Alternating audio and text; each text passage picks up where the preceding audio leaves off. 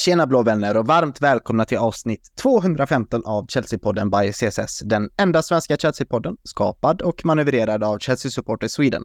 Den enda officiella svenska eh, Chelsea-supporterföreningen med platina-medlemskap i Chelsea FC. Och ja, vi är ju en stolt förening här i Sverige och vi växer och vi är ganska, även fast CSS har varit med en längre tid, så är våra föreningsår väldigt uh, få Eh, och vi är väldigt tidiga i detta och vi vill skapa en stor fin eh, förening här eh, där vi eh, svenska supportrar går med och eh, hittar enhet med varandra. Eh, och det kan man göra på olika sätt. Vi har ju våran eh, grupp på Facebook där vi eh, snackar Chelsea som heter då Chelsea på den by CSS. Vi har en fin Discord som vi gjorde bra reklam för förra avsnittet och eh, vi har ju självklart vår Twitter där ni kan följa oss där vi kommer med eh, sköna uppdateringar om laget och så vidare. Eh, eh, sen självklart har vi ju podden här som också alltid är ståendes. Nu är det ju inte på en måndag som detta kommer ut utan vi valde att vänta med eh, att ja, spela in idag helt enkelt för vi är närmare eh, ligacupmatchen här som vi ska spela nu på lördag mot Newcastle och eh, vi har haft ett eh, tråkigt men ändå ett händelserikt eh, landslagsuppehåll bakom oss. Så eh, vi väntade tills det var klart så eh, har vi nog ett bättre avsnitt att spela in idag. Så eh, hoppas ni har haft tålamodet i, eh, i höjd och eh, är glada att höra oss igen. Vi är i alla fall glada att sitta här och vi sitter ju här allihopa den här fantastiska panelen. Och eh, hur eh, har landslagsuppehållet varit för dig Linus eh, denna gången? Har det varit ur ett Sverigeperspektiv har det ju varit bedrövligt men ändå skönt att ändå riva av det där Janne-plåstret. Ja, nej men det har varit ett uh, sömnpiller uh, hela, hela tiden egentligen. Men sen har det också varit många tråkiga skador för många lag ute i Europa och många unga talanger som gått sönder. Jag tänker bland annat på Kamavinga och det är Vinicius, alltså det är flera spelare, Gavi, Barca, så det, det för inte mycket gott med sig det här himla landslagsuppehållet. Det är bara förstör säsongerna tycker jag. Det Sista tiden även ur ett svenskt perspektiv så är det ju ganska deppigt när den här pausen kommer mitt under säsongen på PL. Men nu kommer vi slippa det på ett tag. Så det är skönt. Ja, ja det är det är tredje landslagsuppehållet va, sen säsongen eh, började. Mm. Eh, och nu är det ju ja, äntligen fyra månader kvar då till nästa landslagsuppehåll. Så nu blir det ju Premier League och ligacup och epa Cup till och med eh, framöver för oss då som vi kan se fram emot utan några uppehåll. Så det blir mycket Chelsea här nu framöver och det kommer ju leda till fullspäckade avsnitt som vanligt.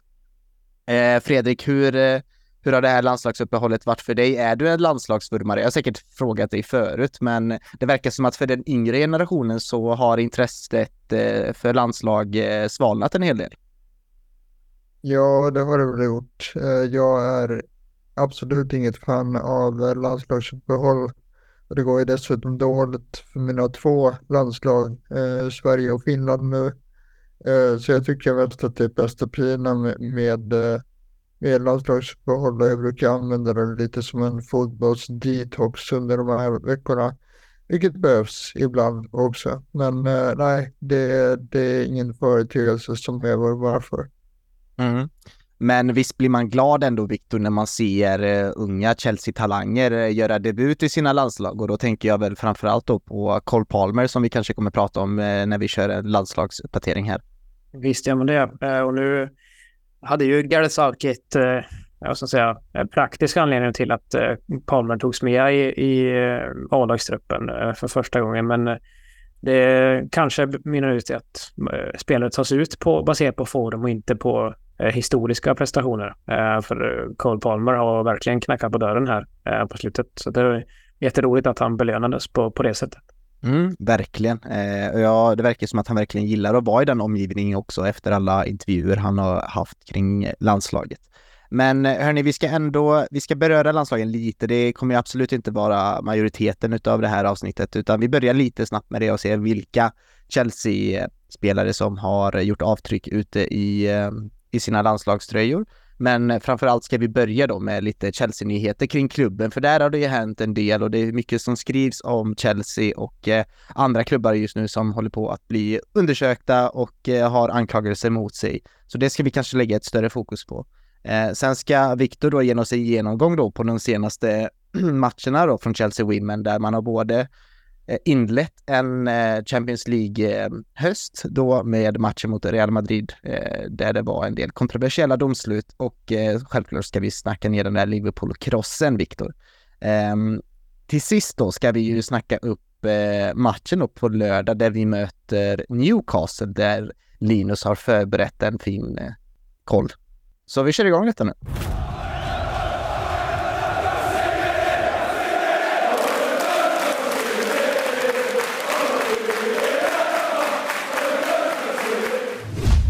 Ja, ska vi bara bena av det här landslagsuppehållet eh, lite snabbt då? Är det några spelare som bara ni tycker, jag, jag, jag kör ordet är fritt här, är det någon spelare som eh, har stuckit ut i era ögon? Och det är, om ni inte hittar någon Chelsea-spelare då så finns det ju kanske andra ni vill lyfta, men det är ju en Chelsea-podd. Vi kanske ska fokusera på det. Är det någonting ni hittar som har varit, eh, varit spännande att prata om? Ja, det är kul att få se Palmer få spela för landslaget och, och att det är liksom genom hans prestationer i den blå, kungsblå tröjan i Chelseas färger som han, eh, ja men liksom får sin seniordebut och eh, man känner ju att det här är nog ett startskott för att det för bara början på hela hans landslagskarriär och förhoppningsvis så blir det en lång och rolig eh, år framför. Vi får se många härliga mästerskap när att han är inblandad och att Gallagher har liksom Ja, men det känns som att han, eh, Sauke uppskattar honom och hans mm. jädra slit han gör för Chelsea och jag tror att det är nog en spelare som fortsätter vara både, ja men viktig för både England och Chelsea nu och det hoppas jag bara att det får fortsätta på samma sätt för det är, det är kul att man verkligen får se den här revanschen som jag har pratat om väldigt många gånger, väldigt många gånger redan. Men eh, den är värt att verkligen poängtera att det fasen var bra han har gjort det. Ja, verkligen. Jag har koll på det jag ska gilla. Så han ser ju så jävla självklar ut eh, också, även där när han kom in och påverkade matchen positivt mot Malta. Även fast det var en liten sömnig match där, speciellt första halvlek, så tyckte jag att han ändå påverkade matchen eh, fint. Men eh, vi pratade ju om Mason Mount en gång i tiden som att han är ja, men en tränares dröm. Liksom. Han går in i vilken elva som helst och alla tränare älskar honom. Eh, speciellt då i början när han var lite ifrågasatt av många så var det ju tränare på tränare som ständigt eh, valde in honom i, sitt, i sina lag. Men eh, visst eh, börjar det bli så Fredrik att eh, nu är det ju Gallagher som börjar bli den spelaren någonstans som är alla tränares dröm. Ja, verkligen. Eh, man eh, måste verkligen se till värdet med eh, slit och kämpaglöd och, de, eh, de framsteg som man trots allt gör i sin eh, fotbollsgärning. Eh, det har ju gått lite åt andra hållet med, Mason Mount nu som inte är given i varken eh, United eller landslaget för tillfället. Så jag håller absolut med om det, att eh, Gallagher håller på att bli den symbolspelaren. Mm, kul, han har säkert så 20 av 20 på workrate eh, på Football Manager. Jag måste nästan dubbelkolla det eh, nu med det här nya Football Manager. Men Viktor, eh, sen hade vi, jag vet inte om någon av oss, eh, utav er då, såg matchen mellan Brasilien och Argentina som spelades, jag tror det var natten mot eh, onsdagen. Eh, vilken galen match. För det första var den ju uppskjuten i ungefär 40 minuter eh, på grund av att det hade blivit eh, slagsmål då mellan eh, supportrarna på Maracana. Eh, med Victor Enzo Fernandes återigen eh, oerhört stabil. Nu vet jag inte om du har sett eh, highlights eller någonting, men jag såg hela matchen i alla fall. Jag var uppe hela natten och kollade på matchen och eh, Enzo imponerade på mig. Ja, trevligt. Eh, jag är inte den nattsudan som sitter uppe och, och kollar. Eh, jag, jag kommer inte oavsett omständigheter så kommer nog inte sitta och kolla Sydamerika-kvalet tyvärr. Eh, just VM-kvalet är ju brutalt i sin utformning så att hela kontinenten är samlad i en enda tabell och slåss om de här platserna. Eh, men det är ju eh, roligt för, för en såklart att vara med och bidra till en så viktig seger. För de torskade ju föregående matchen mot Uruguay där. Så att, och jag, jag lyfte också ett glädjeämne i att han fick eh, kliva ut med en kvart kvar att spela så ja. att han fick lite vila i alla fall.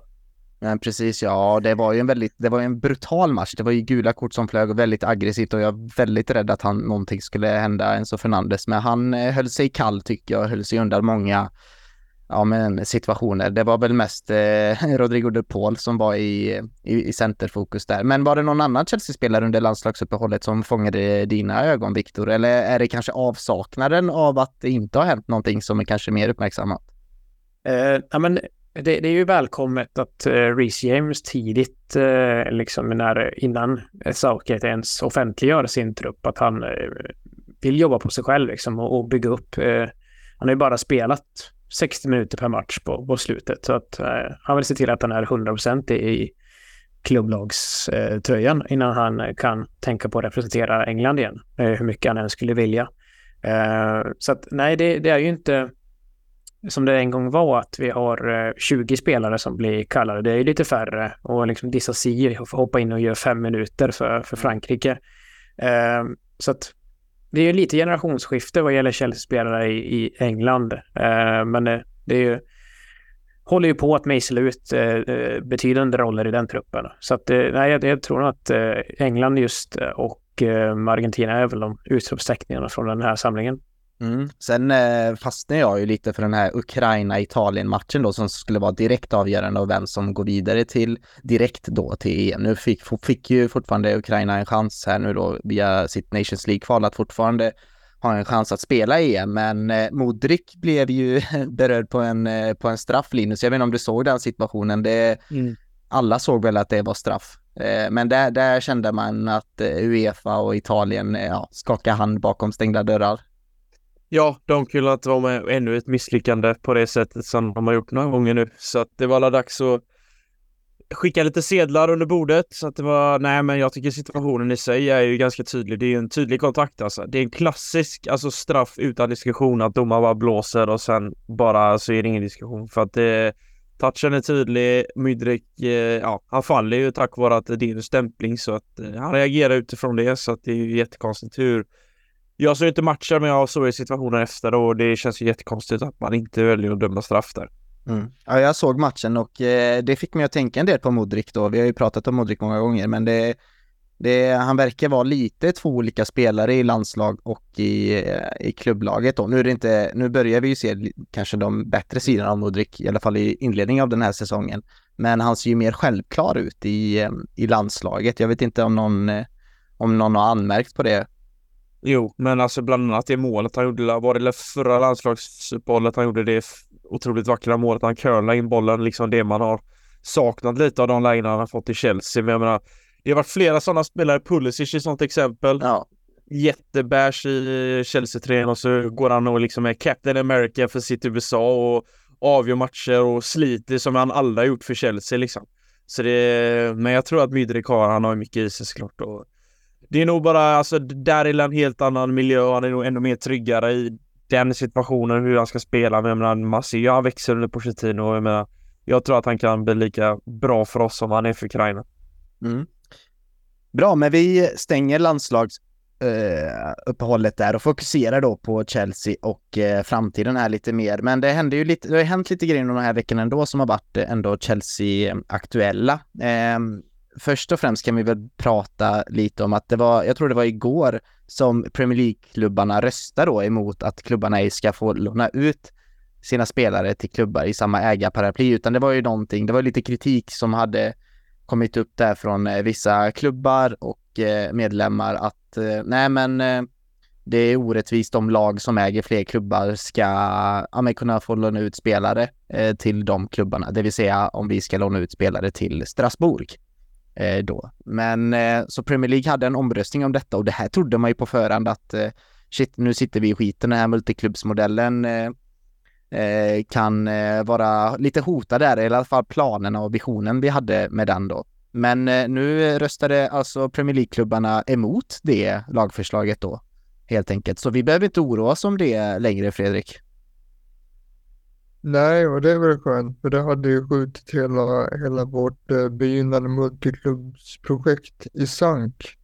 Men eh, det är ju precis som du säger ganska överraskande eh, att eh, det blev det här utfallet. Dels därför att Premier League hade eh, ställt sig bakom motionen eh, som, eh, som organisation då och att eh, det oftast går igenom när de gör det. Och dels eh, därför att många på förhand trodde att det skulle gå igenom. Eh, David Orenstein på The Athletic var en av dem. Eh, men eh, det är alltså så att enligt eh, Premier League-regler så måste minst 14 lag rösta för en motion för att det ska gå igenom. Eh, och det var alltså enligt The Athletic eh, åtta klubbar som röstade emot. Och det är alltså Burnley, vi, Everton, Newcastle, Nottingham Forest, Manchester City, Sheffield United och Wolves. Eh, och eh, det är förstås så att de flesta av de här klubbarna har eller kommer att ha en multiklubbsmodell så att det, det gick väl eh, i deras intresse så att säga. Sen tycker jag man kan nämna en annan grej från, eh, från den här sammankomsten och det var eh, en fråga om eh, fair market value och det innebär att när en klubb eh, vill ingå ett sponsoravtal till exempel så måste handlingar skickas in till Premier League. Sen huruvida det kan ingås beslut, beslutas sen av, av Premier League. Och det, det förslaget fick eh, 13 av 14 nödvändiga mm. röster. Sen kan jag säga det också att eh, det här eh, det här beslutet gällande lånespelare är ju eh, bara aktuellt när det gäller januari, januarifönstret nu. Och det är möjligt att den här frågan kan komma att resas längre fram igen. Mm. Linus, var det här någonting som du, när du hörde detta då, att det skulle röstas på detta, var detta någonting du har suttit och tänkt på eller någonting du har oroat dig över? För mig var det lite någonting som jag läste att det skulle röstas kring och jag hade nästan bara glömt av det lite och sen när jag fick lära mig om beslutet så tänkte jag, åh, det här var skönt. Det här kanske var någonting man skulle ha pratat om lite mer om, men eh, för just det, det verkar vara så himla inkorporerat i Chelseas vision vad, vad det är man vill göra. Ja, exakt. Och det är som Fredrik säger att hade det gått igenom att det inte fick bli så längre, då hade ju hela ja, men idén i Strasbourg, det var ju egentligen bara skrota då. Alltså då hade ju inte haft någon slags fördel med det vi har just nu att driva Strasbourg på det sättet. Så det, ja, jag vet inte det känns, eh, det hamnar lite i skymundan på grund av lite det vi ska prata om senare med mm, mm. andra saker vi kan straffas av, för det har jag varit ännu mer orolig över faktiskt. Så detta var lite sekundärt, men väldigt viktigt också. Så eh, så sätt så är det något positivt i det hela är ju att vi i alla fall den här idén kring att liksom kunna låna ut till bland annat Strasbourg då får vi se om det blir någon mer klubb för i framtiden lär det nog bli. Men eh, ja, det är otroligt viktigt att vi får fortsätta med den här verksamheten och eh, jag har ju min favorit Angelo utlånad där och en spelare jag verkligen vill se nästa år i truppen för han gör det bra i liga trots deras hyfsat skakiga start. Jag trodde faktiskt de skulle gå bättre men eh, ja, det är ju liksom sådana spelare man vill ha i de lagen. Att de får visa vad de går för och att de verkligen tar för sig och tar vara på tiden de får. Så jag tror att det där var väldigt viktigt såklart. Mm. Och ja, precis ja. Nu, du är ju mer orolig för det som ska komma ja. skall då kanske då. Och vi, vi ska väl ge lite kontext till detta, för jag tror detta kommer bli ändå bulken av dagens avsnitt lite, men för att kanske ge lite kontext då till Linus oro och kanske våra andras oro här, så måste vi börja någonstans med det som hände med Everton nu för eh, snart en vecka sedan var det va?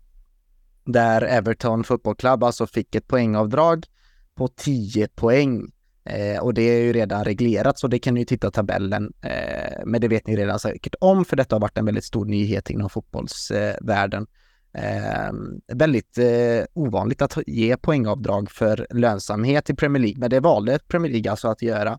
Eh, perioden där det gäller är alltså 2019-20 säsongen, 2020-21 säsongen och 2021-22 säsongen då där alltså Everton inte har nått det, eh, ja, men det regelverket som PSR då har lagt upp där.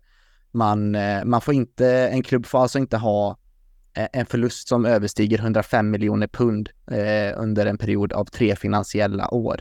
Eh, och den, det, det taket då eh, har man alltså gått över med 19 19,5 miljoner. Så det är ju väldigt lite pengar om man tänker efter. Eh, alltså det är mycket pengar självklart, men det är lite pengar för, eh, för en Premier League-klubb kan man tycka med tanke på hur mycket de har spenderat. Eh, vi kan sitta här och prata om det här caset väldigt länge och eh, liksom om det är rättvist eller orättvist då. Är det synd om Everton? Eh, ja, det är kanske synd om eh, supportrarna, självklart. Men det var ju väldigt dumt av dem att när de vet att böckerna var som de var, eh, att man inte kanske gick på den här och köpte spelare eh, utan försökte hålla sig mer ekonomiskt friska. Eh, men det har ju lett till, och det här är egentligen en breach då som man har gjort i det här PSRs regelverk. Eh, som bekant så har ju City 115 breaches ungefär. Eh, och vi ska inte prata med City här heller, utan vi ska fokusera på Chelsea, för där, Viktor, har det ju också dykt upp en grej som, ja men det är väl att Todd Bowley och det nya gänget då i Clay Lake Capital framförallt när man gjorde koll på böckerna där man hittade saker från den gamla regimen som, eh, som man valde att lyfta upp med Premier League då. Så det är ingenting, det är inte likt Man City där man har försökt dölja någonting utan man har ju valt att gå den mer transparenta vägen. Nej, precis. Och det som briserade tätt in på varandra, det var ju dels eh, utfallet i, i Evertons fall, men samtidigt kom ju då den här stora eh, granskningen som flera europeiska medier har samarbetat med, eller tagit del av samma läckor som de har kallat för Cypern läckorna då. Eh, och att det kommer så pass tätt in på varandra. Eh, för det, det, är ju två olika saker, det du nämner med eh, Todd Bowley och eh, vad Chelseas nya ägare har upptäckt. Eh, för det var ju i våras eller under försommaren då som eh, man, man upptäckte att det fanns ofullständig finansiell information mellan eh, 2012 och 2019 då under Eh, eran eh, för klubben. Eh, och då valde man att rapportera det till Premier League, till FA och Uefa. Och det resulterar ju då att Uefa har ju utrett det här redan och Chelsea fick en bot på 10 miljoner euro i juli. Medan Premier League och FA har inte kommit till något beslut i den frågan. Eh, så det är ju som lite gamla nyheter. Ja, tack för men, att du klargjorde det. Eh, det. Men det blir, blir också en viktig kontext nu då, i och med att de här nya rapporterna eh, kommer, kommer upp. Eh, och, och, det är som sagt, det är rapporter och jag är ju blivande journaliststudent så jag ska inte avfärda dem helt och hållet. Men det är viktigt att, att poängtera att Chelsea har ju inte anklagats för att ha gjort någonting fel ännu. Det, det, det har ju till exempel Manchester City.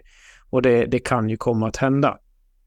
Eh, men den här nya läckan då eh, som publicerades i bland annat The Guardian eh, förra veckan handlar ju om att diverse Abramovic-ägda företag ska betalat en del parter för att gynna Chelsea. Det de försöker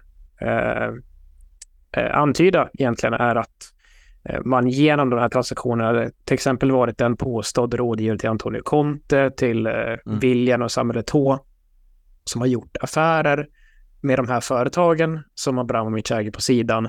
Eh, och det har varit summor och eh, vad ska man säga, tidpunkten för de här transaktionerna har ju då eh, stämt förhållandevis bra tidsmässigt åtminstone eh, med samband med att Chelsea då har gjort spelaraffärer. Eh, eller i Contes fall var det en kontraktsförlängning till exempel.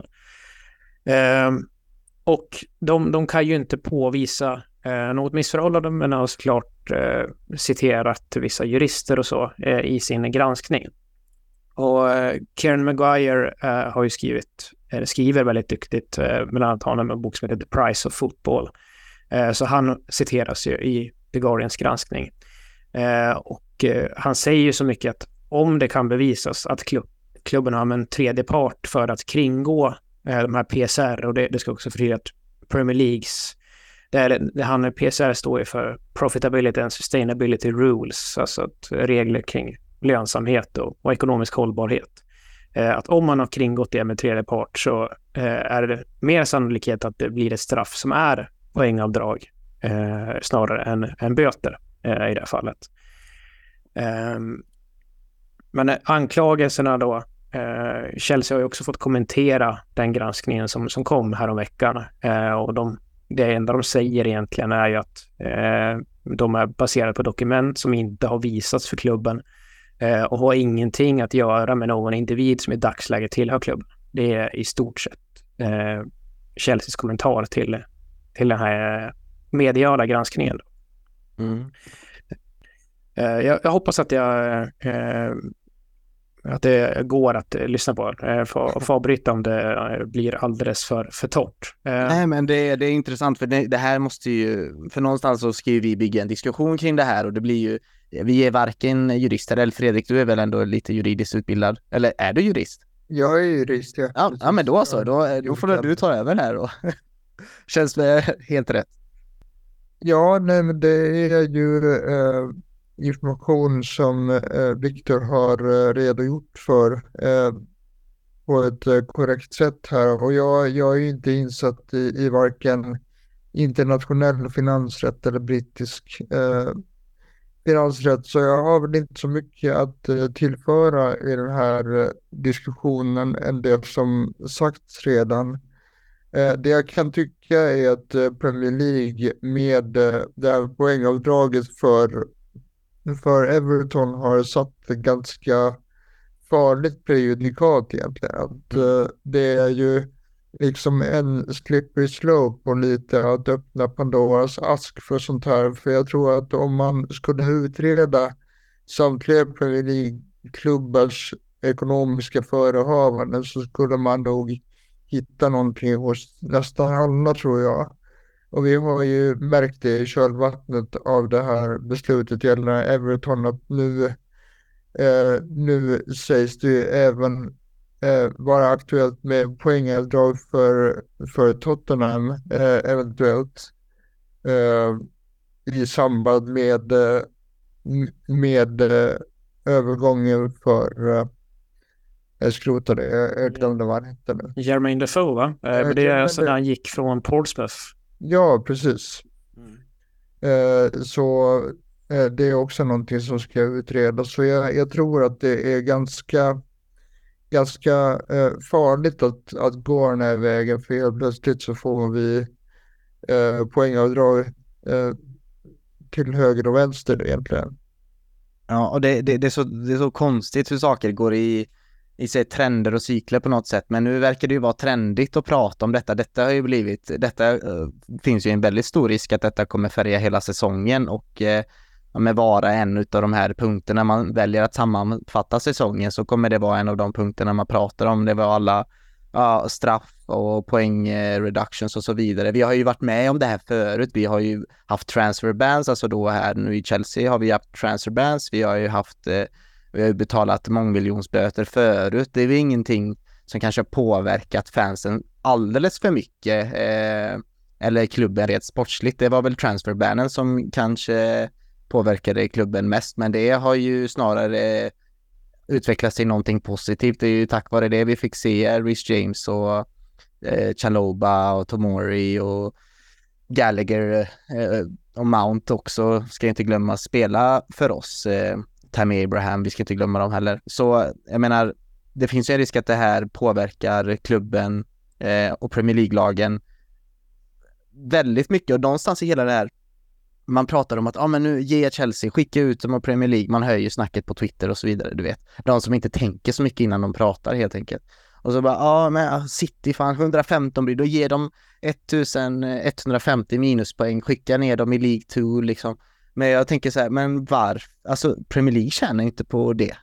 Premier League kommer ju verkligen, eh, varumärket Premier League kommer ju straffas om man väljer att straffa City eller Chelsea så hårt.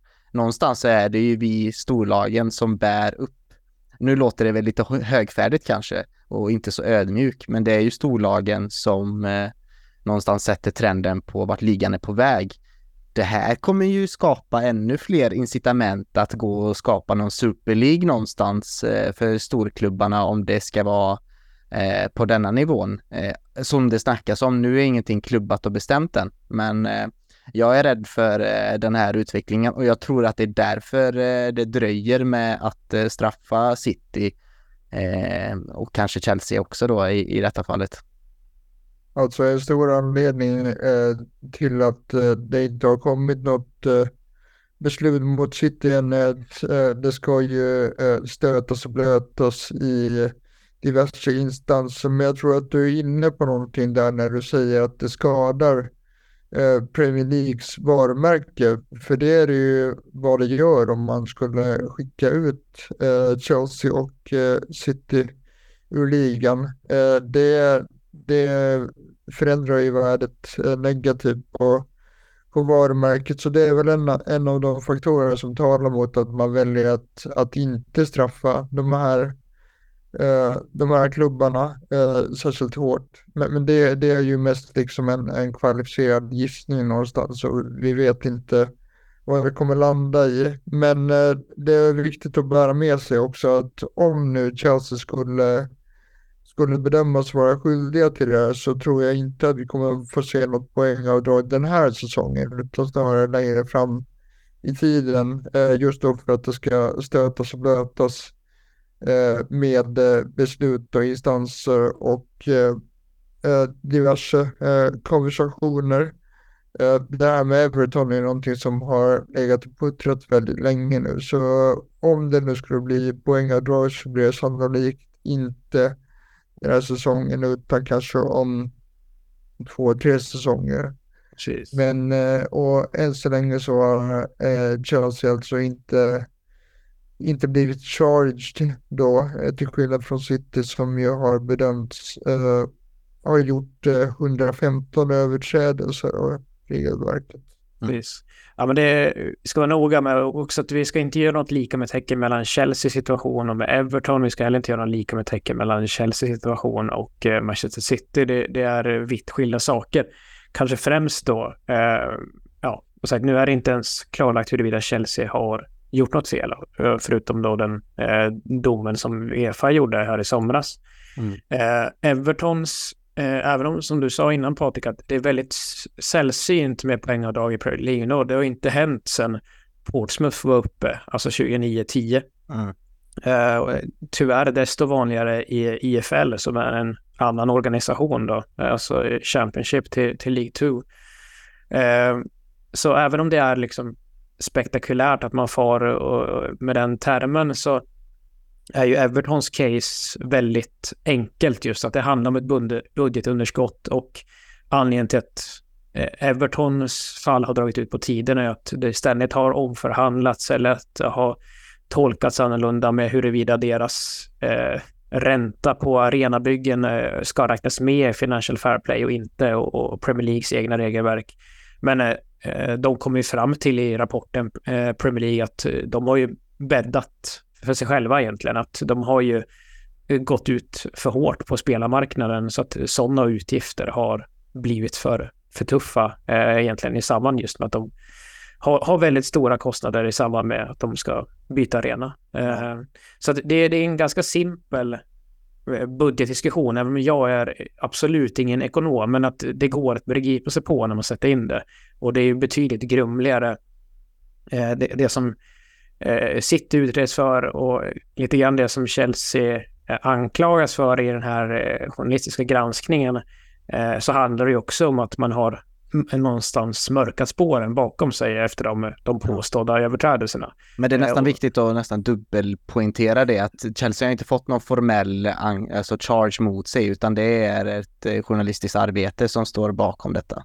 Ja, precis. Eh, och eh, ja, ja, det är som Fredrik eh, sa innan också, det, det, är väldigt oklart vart det här kommer ta vägen och eh, det, det, är såklart att man ska, man ska ta det på allvar. Eh, att, det, det är ändå väldigt många medieorganisationer som har samarbetat när just den här, eller som har tagit del av den, den här läckan. Det är ju ett internationellt nätverk av, av grävande journalister.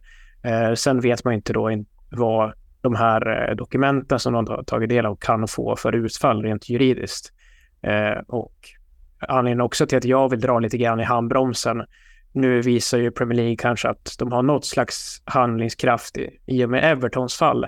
Men eh, de har ju visat sig vara väldigt ojämna och svåra att ha att göra med när det kommer till just rättvisa. Vi pratar också avslöjandena om, om hur det gick när Newcastle bytte ägare, alltså att eh, de har ju bytt vd flera gånger i Premier League och eh, så. så att det är ju en, en ligaorganisation som inte alltid visat sig ha kanske då kompetensen eller, eller eh, att, möjlighet att utöva den makt som de kanske skulle vilja. Eh, så det... Mm. Det, Men- det har lika mycket att göra med min skepsis till att det faktiskt skulle mynna ut i någonting eh, kännbart för Chelsea som att det faktiskt kan ha skett överträdelser under de här sista eh, ja, tio åren nästan som Abramovic eh, bestämde. Mm. Men visst, visst är det någon lite skillnad nu jämfört med kanske några år sedan att det, det verkar ju det här diskussionen då finns ju mer ute i eten på något annat sätt. Eh, och det kanske hade sin språngbräda då ifrån den här, de här City 115 anklagelserna och så ser man Everton med och då börjar ju det här eh, det börjar ju sippra ut en oro i många olika supportrar och olika klubbar på olika sätt att det är det här början på någon viss eh, våg eller är det liksom enstaka enskilda händelser liksom? Och jag tror det är där någonstans, om man inte är påläst då eh, och om man inte begriper sig på alla anklagelser eller, eh, ja, eller alla överträdelser så finns det ju en risk att man eh, eh kanske blir ännu mer orolig då för att eh, åh nej, nu kommer min klubb skickas ner till League 2 liksom. Ja, nej, precis. Och, det, det är inte alla som, som betalar för det. Nu, The Guardian kan man ju läsa gratis. Jag, jag, mycket av det jag baserade min utläggning på är ju också att The Athletic har gjort ett bra jobb på att kontextualisera Mm. eh, Everton-domen då, eh, vad gäller eh, Chelsea och Manchester-situationen. Eh, så att, nej, det, nu är det lite grann eh, eh, wait and see-gänget eh. Vi, vi går vidare, eh, men vi, vi kommer ju uppdateras eh, Mm. allt eftersom det som var kanske lite otur då i Evertons fall, det är ju, alltså precis som vi fick lida utav de här sanktionerna mot eh, de ryska oligarkerna med Osmanov då som ägde laget. Nu sålde han ju laget till Monshiri eh, efter det, men eh, den här, eh, det var han som skulle hitta sponsorer också för arenan tror jag. Eh, och arenabygget och det vill säga också ge den något namn då, så den skulle säkert heta eh, någon oil eller gas stadium eller någonting. Ehm, det är väl förmodligen det som har gjort att de inte heller kunde nå den här lönsamheten de åren. Men man har ju läst eh, Evertons, vad ska man säga, formella, inte överklagan, men svar på allt det här och då, då skyllde de, då, då skyller de mycket på pandemin och det var ju, no, det var ju samma för alla klubbar. Mm. Liksom. Det var inte bara Everton som led av pandemin utan och, och plus att Premier League-klubbarna mådde väl bäst egentligen under pandemin. Eh, TV-rättigheterna mådde ju fortfarande väldigt bra. Det är ju mer de andra ligorna som fick lida ute i Europa. Precis. Eh, och sen eh, sist då så var det ju eh, ehm, Ja, eller det var de två grejerna egentligen de sköll på. Och så sa de ja till sist att ja, det ska bli väldigt intressant att se hur, eh, hur ni, eh, hur Premier League kommer att eh, ta hand då eller se över de här andra anklagelserna som finns där ute mot de andra klubbarna. Eh, och då väljer man ändå att lägga lite press då från Evertons sida på, på Premier League. Eh, Ja, precis. Eh, Och eh, det är ju... Det är också så här när det, när det... Nu kommer inte det från Premier Leagues håll, men när det ska rotas i, eventuellt så långt bak som är Defoes transfer från Portsmouth till, till Tottenham. Det är sjukt. Det, det är långt och det är också det är bara en affär så att eh, nej, det, man ska inte trycka på allt för många eh, panikknappar redan nu men eh, som Fredrik var inne på så är det ju ett risken är ju att det blir ett predikat och frågan är om, om Premier League som organisation är rätt organisation att hantera det, det beslut de har verkställt. Jag, jag ställer mig frågan till det. Mm. Linus, hur väljer du att reflektera över hela den här situationen? Hur, hur går dina tankar? Nej men såklart, det, vi har ju redan varit med om mycket skit de sista åren och så skulle detta komma lite så på toppen av berget att vi ska även och bestraffas om det blir i poäng eller om det blir transferförbud, det vet jag inte men vi får la se vad som sägs men man är ju ganska trött att det skrivs extremt mycket om det och det vi pratade om City innan det har man ju läst under en lång, längre tid äh, än vad jag har läst mest om det här. Med Chelseas saker som har skett och jag tror att äh, Premier League har mycket att ta tag i och det finns nog mer skit som gömmer sig där bakom. Om man ändå ska ta det till botten så tycker jag då kan man nog börja granska alla lagen då. Om vi ska, då får man ju dra var, vart går gränsen, var, var, liksom, vad ska man kolla på, vad ska man inte kolla på. Så ja, det blir intressant att följa för det kommer bli konsekvenser i vilket fall. Väljer de inte att fälla, då kommer det bli, kommer nog Everton gå i taket bland annat, men eh, blir det straff då, eh, ja då vill man nog ha ytterligare kontroller eh, och liksom gör alla klubbar rätt. Det, Liksom. Är det bara för att man har fått hört något på eh, något skvaller eller någon liksom Ja.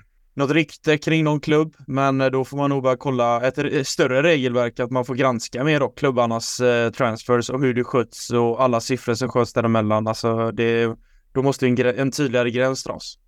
Men ser inte du detta också lite så som jag känner? Jag tycker det pratas kanske för lite om det, men att det också är eh, någonstans början på en ny sån här Super League-våg kanske som skulle kunna komma tillbaka för någonstans innan, eller tillgången Premier League är ju, eller värderas som de som skapar innehållet i Premier League och det är ju klubben, spelarna, eh, fansen. Eh, om den tillgången då skulle hotas på något sätt, eh, eller innehållet i det skulle hotas, då, då sjunker även tillgången. Skulle inte de, skulle inte de andra, eh, de som skapar innehållet då kanske värdera att gå och skapa någonting eget istället? De känner, vad fan ska vi med det här till? Det är vi som skapar Mm. Premier League-varumärket. Eh, vi kan väl lika väl gå och göra det med Florentino Perez här och eh, Laporta och de andra som blöder pengar i och för sig. Så tänker man, vi, vi skiter i alla regler, vi skapar våra egna regler. Mm, ja men det kan ju gå till hållet också och det tjänar ju mer om som verkligen var för Super League som du nämner och att gå mot det där, det, alltså jag tycker redan Premier League är en slags superliga. Tänker på tv-intäkterna och hur, liksom, hur mycket pengar som pumpas in i den ligan så är det ju nästan en, en light-version av den här superligan man suktar efter. Jag menar det är bottenlagen i Premier League kan ju lätt vara med i liksom högre platser i, i divisionerna runt om i Europa liksom. Mm. Det, och det, kvaliteten är så jädra hög jämfört med Ja men det är bara att kolla Italien liksom bottenlagen där, det är Lecce, det är alltså det, det är väldigt låg nivå om man jämför för i Premier League kan alla lagen slå alla och det är ju det som gör ligan så jädra rolig men också lite som du nämner, lite varningsfinger vart vi är på väg och ja, fortsätter på det här sättet och de här bestraffningarna kommer nu. Eh, om det drabbar fler klubbar än Chelsea City, det känns ju som att det borde finnas fler saker som gömmer sig där bakom att det är just de här två klubbarna, men det är kanske där man, man har givetvis hittat mest där, antagligen då. Eh, men ja, då behövs Mm. nog ytterligare kontroller göras tycker jag, om det ska börja straffas och har verkligen alla klubbar skött de här sakerna rätt? Det tvivlar jag på. Ja. Nej men det, det är ju en fin linje där Fredrik Ja. som, eh, som Premier League måste hantera där, för Linus nämner ju det. Att det, det kommer bli svårt. Antingen går man ju fullt ut och, och bestraffar, men det kan ju skada varumärket. Eller så släpper man lös tyglarna, men då bjuder man in eh, massa fuffens och fult spel. Det är en väldigt fin linje. Det är ju ett svårt jobb Premier League och eh, som måste, alltså vad, vad, vad de ställs inför egentligen. De vill ju självklart att sin tillgång ska växa och bli större.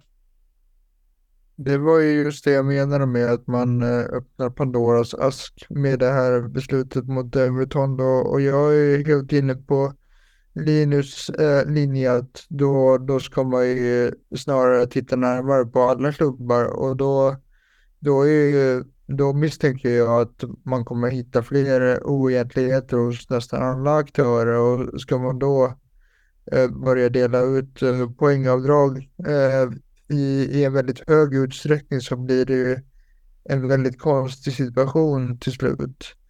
Ehm, och det här du nämner om en ökad eh, Super League-risk är ju såklart en, en faktor som man måste väga in i, i den diskussionen. Eh, det jag tror att, eh, att Premier League eh, valt att göra här och det Fredrik var inne på det också att man vill genom det här beslutet visa att man kan, eh, man kan själv reglera egentligen utan, utan inblandning av någon annan instans. Eh, men det är ju ganska, det är ganska dyrt eh, signalvärde då. Eh, särskilt för Everton som ju nu kommer dras in i, i nedflyttningsfajten och, och, med största sannolikhet åker ur på grund av det här. Så vi, det ska bli intressant att se hur det utvecklas. Men jag, jag tror att, att man har man har stannat för en lösning som i det långa loppet absolut inte är optimal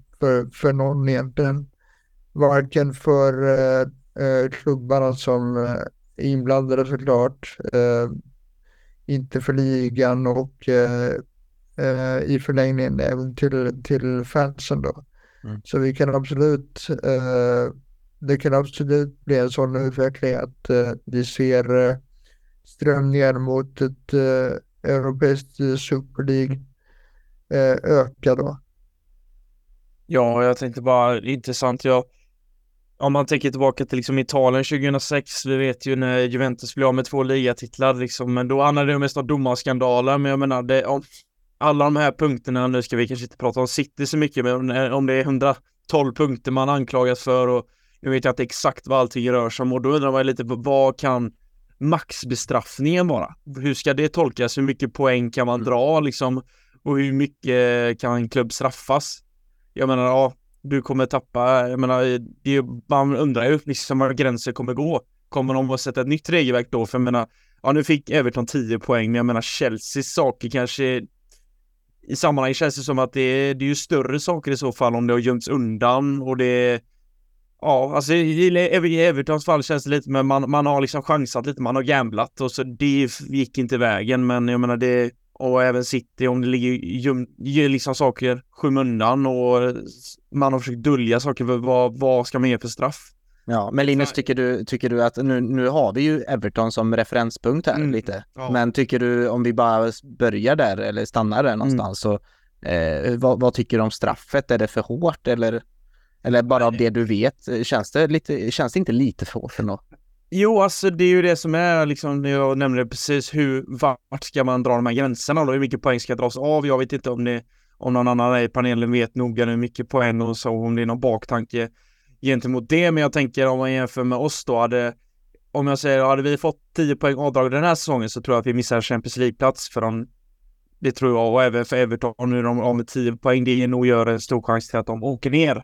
Mm. Och jag tror att just 10 poäng, det gör ju mycket skillnad, alltså det för oss tror jag det är verkligen viktigt att inte bli av med några poäng och det kommer nog inte bli denna säsong. Men hade vi tappat 10 poäng då tror jag vi tappar en Champions League-plats om det skulle varit den här säsongen. Men för ett City, ja alltså City och Arsenal och eh, framförallt de två klubbar, då handlar det om att bli av med en ligatitel om man skulle tappa 10 poäng. Om man jämför lite med klubbarnas situationer så tror jag att hade City åkt på 10 poäng då hade man ju tappat ligatiteln och kanske Arsenal hade vunnit den. Ja, men de, de titlarna ja, är ju redan firade, alltså jag vet, jag tycker ja. det är konstigt. Alltså visst, på, det, det, kommer inte stå i Wikipedia, men ja. Nej. Inte konstigt. Ja, men eh, jag vill bara påminna om att det är jättesvårt att, att likställa eh, det som eh, Chelsea kan ha gjort, kan inte ha gjort. Eh, som sagt, eh, Premier League och FA har inte eh, anmält Chelsea för någonting eller delgivit klubben om några sådana misstankar eh, ännu. Men eh, det som eh, den här kommissionen skrev i sitt utlåtande var att eh, eh, något annat straff än poängavdrag hade varit olämpligt. Eh, så krassa är de egentligen i, i slutet av, av rapporten. Så att de anser i alla fall eh, eh infraktionerna som Everton har begått vara så pass grova att något annat hade inte gått att göra. Mm. Nej, jag, jag, tycker bara det är intressant hur mycket poäng som kan dras av och hur, vad är det maximala straffet då? Ja, åka ner givetvis kanske det är ett av de värsta, men eh, hur mycket poäng och dra kan man få liksom? Tappar du 30 poäng, ja då är säsongen över nästan, känns som. Då får man ju verkligen mm. kämpa mm. från botten. Så det blir intressant att se vad, vad det blir för gränser. Vet någon här liksom varför Everton fick just 10 poäng? Nej men alltså det, jag, jag, jag kollar ju mycket Formel 1 här va och jag, där finns det ju mycket Därför kan man ju få så här fem sekunders straff eller tio sekunders straff om någonting och då är ju de reglerna redan eh, satta eh, liksom mm. från början. Så både lagen då, eller stallen och eh, förarna, eller förarna är ju i sitt adrenalin, de tänker väl inte på det, men stallen vet ju oftast redan vad de kommer kanske få för straff. Det finns redan klarlagt kanske, okej okay, nu kommer vi få fem, fem sekunders stop go penalty eller någonting eh, för den här orsaken. Eh, det kanske hade varit eh, bättre om man hade det eh, klarlagt från början. Eh, liksom, ni kommer få så här mycket straff om ni gör det här. Att det redan fanns en sån bred, eh, ett regelverk egentligen eh, och vilka efterföljder eh, som finns om man inte följer det regelverket eh, hade varit. Eh, det låter väl ganska bra för en jurist, va Fredrik? Ja, visst. jag ville bara säga det att eh, det som eh, framkom i den här artikeln var också att, eh, att man, man per överträdelse får liksom ett, ett basstraff på sex poäng och sen, sen utefter någon, någon typ av finansiell, finansiellt värde, nu minns jag inte exakt, men så läggs det på en poäng. Eh, så då hade man på något sätt eh, kommit fram till att eh, det var just 10 poäng då, så att det, det, finns det finns en metodik där. Nu, nu skrev ju visserligen kommissionen i Eh, i sitt utlåtande då att man inte hade gått efter den här modellen. Men det visade sig att även om man hade gjort det så hade, eh, så hade man landat i, i 10 poäng eh, om man skulle följa reglerna.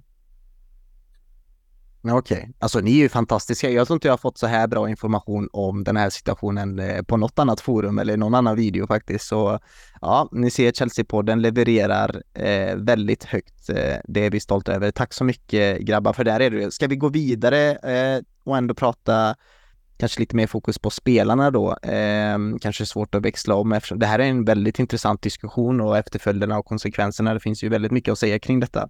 Eh, men jag tycker vi går vidare och eh, jag såg en bild som ni kanske också har sett, ni som lyssnar, eh, på att Nkunku har tränat fullt med laget i onsdags. Eh, skorna på, eh, smilet är stort och eh, bollen är vid fötterna. Han verkar vara glad och taggad att äntligen vara tillbaka. Han twittrar och instagrammar sin, sin röda ballong rätt mycket. Han får väl skaffa sig en blå ballong. Jag antar att de har några förberedda för honom. Eh, men Fredrik, han verkar vara back in action här. Eh, vår kära Nkunku som vi har väntat. Precis. Eh, Nisar såg rapporterar idag att han har, att han har eh, varit eh, i partiell träning då, eh, så i viss mån tränat med, med laget eh, och eh, det är klart att eh, han har ju varit väldigt, väldigt saknad eftersom han var tänkt att vara navet i vår offensiv. Så det är ju det är väldigt eh, positivt att han är tillbaka nu och, och faktiskt mycket möjligt är inblandad i det lag som ska ta sig an Newcastle nu då, mm. på lördag. Men eh, fan Linus, hur, alltså Vågar man det? Vågar man ens se honom på bänken på, på lördag? Jag tänker så här, vi har ju haft tålamod. Vi har haft tålamod med många spelare som vi har väntat på, Reece James bland annat. Eh, hur sakta tycker du, eller bör han föras tillbaka in i spel? Du som ändå eh, aktivt spelar fotboll och eh, så här. Jag vet inte om du har kommit tillbaka från någon skada någon gång, men du har väl säkert eh, vänner och eh, fotbollsspolare som har gjort det. Ehm, ja, hur sakta tycker du han bör föras in i spel? Nej, men hans skadehistorik så ska vi nog ta lite minuter här och där och forsla in successivt.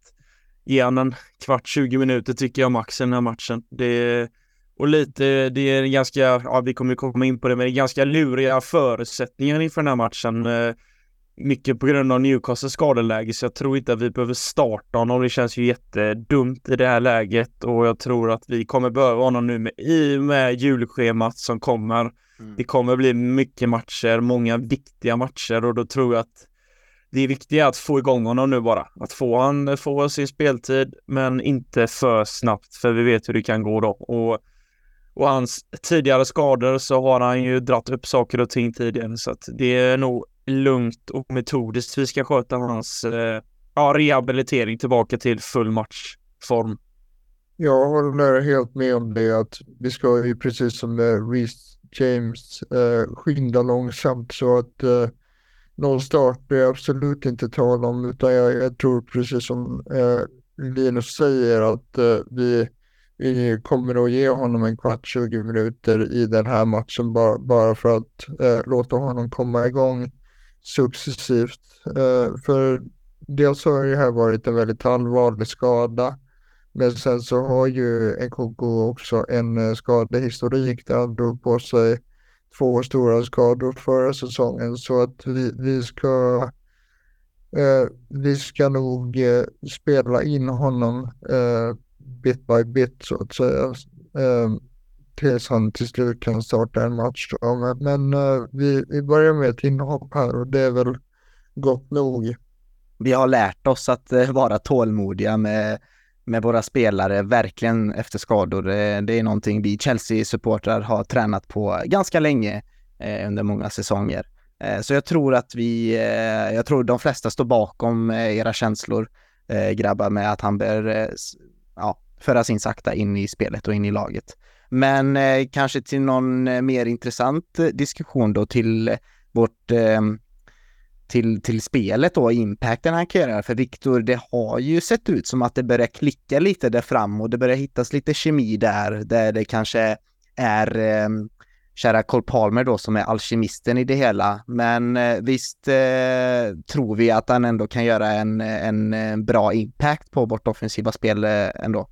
Ja, alltså det, det finns ju, nu är det förvisso Bundesliga och, och vad ska jag säga, Timo Werner gjorde 30 mål där. Eh, kunde inte alls översätta det till, eh, till spelet i England, men det och Nkunku har ju liknande säsonger med, med både mål och assist, alltså väldigt, väldigt bra siffror eh, för, för Leipzig eh, sista säsongerna här. Eh, så det, det är ju ingen spelare i Chelseas trupp som, som kan matcha det eh, CVt. Eh, så att det, det ska man ju inte snacka bort att det, det är klart att han kommer kunna eh, påverka när, när han väl ingår i, i matchtruppen. Mm. Eh, men det, det finns ju eh, absolut, jag tror det är många också som samtidigt ställer oss frågan eh, varför ska man rucka på, på det som har fungerat så bra på slutet. Men sagt, ja, hans delaktighet, tänker jag i alla fall, kommer inledningsvis ske från bänken. Så, och jag har inte sett några rapporter om att han har spelat U21 eller liknande heller, så jag vet inte hur mycket jag vågar lita på att han faktiskt sitter på bänken på St. James's. Det, det vet jag inte. Nej, jag tror inte heller han är med i truppen, men det är ändå, man har ändå eh, signalerat på sociala medier att det är på gång i alla fall. Eh, det hade man inte gjort om man inte ville eh, hausa upp supporterna lite och göra dem förväntansfulla. Men om vi leker med tanken att han är fullt frisk då, Linus, ser du någon spelare, eller snarare ser du någon plats han bör ta när han kommer in i laget, tycker du? Um, vem hade du valt att ställa utanför? Vi hade ju sådana här diskussioner innan, vem, Mm. vem man skulle kunna tänka sig att ställa utanför. Men nu börjar ju det bli inte så teoretiskt längre. Det börjar faktiskt bli eh, på riktigt att någon måste ge plats för en Konko. Ser du, eh, om du får leka Pochettino? Ja, i dagsformen om vi spelar 4-2-3-1 så hade jag spelat med Jackson fram, Nkunku bakom, Palmer från en högersida viker in och en Sterling på vänster Ja, det så. Det var löst. Då tackar vi för oss här idag. Eh, Nej, men jag, jag har tänkt på det. Jag, jag tycker faktiskt det är det bästa och sen slänger man in Mudrik som springer sönder försvararna sista 20. Men alltså utifrån hur formen är och jag tycker att Palmer gör det på ett mycket bra sätt när han viker in. Mm. Och eh, liksom Nkunku i den positionen tycker jag är mest lämpad just nu. Lite på grund av att Jackson känns lite på gång. Mm. Börjar hitta målet. Varför ska vi inte fortsätta då? ja, Fredrik, du, eh, Linus har väl rätt i, i detta va? Ja, den absolut. Men eh, jag tror att när vi väl har NKK i fullt slag så kommer vi bygga mycket av vårt offensiva spel eh, kring honom. Och det, det såg vi också under försäsongen vilken inverkan han hade på laget. Så om han kan eh, ha den, den sortens påverkan på, på matcher och på ett spel så är det bara positivt. Men Eh, mm. För mig så är det också lätt tydligt att, eh, att han ska spela då som renodlad tia bakom en striker. Vi såg ju återigen under försäsongen att han och eh, Jackson hittade ett bra samarbete där. Sen blir det såklart eh, en ganska svår eh, fråga vem på eh, det vi här komponerar mittfältet som man Precis. ställer utanför. Det tror jag blir en eh, ett beslut som tas uh, utefter eh, vilken match det handlar om. Men eh, eh, jag tror inte att vi behöver ha det huvudbryt än på ett tag eftersom han, eh, som vi precis eh, spekulerat i, att han, eh, han kommer nog att eh, få komma till spel via inhopp under ett tag framöver. Mm. Ja, precis. Det är antingen Gallagher, Caicedo eller Enzo då som eh, får nöta bänk om vi kör på Linus frontfyra som jag tror de flesta eh, får oss att dregla lite och tro på en eh, positiv offensiv framtid i Chelsea. Eh, men vi stänger den Nkunku. Vi tycker det är skönt att han är tillbaka i alla fall i träning och eh, att det sprids eh, vibes kring honom på sociala medier. Det innebär att han är i alla fall nära spel och vi behöver inte vänta allt för länge för att äntligen se honom göra sin Premier League-debut för oss.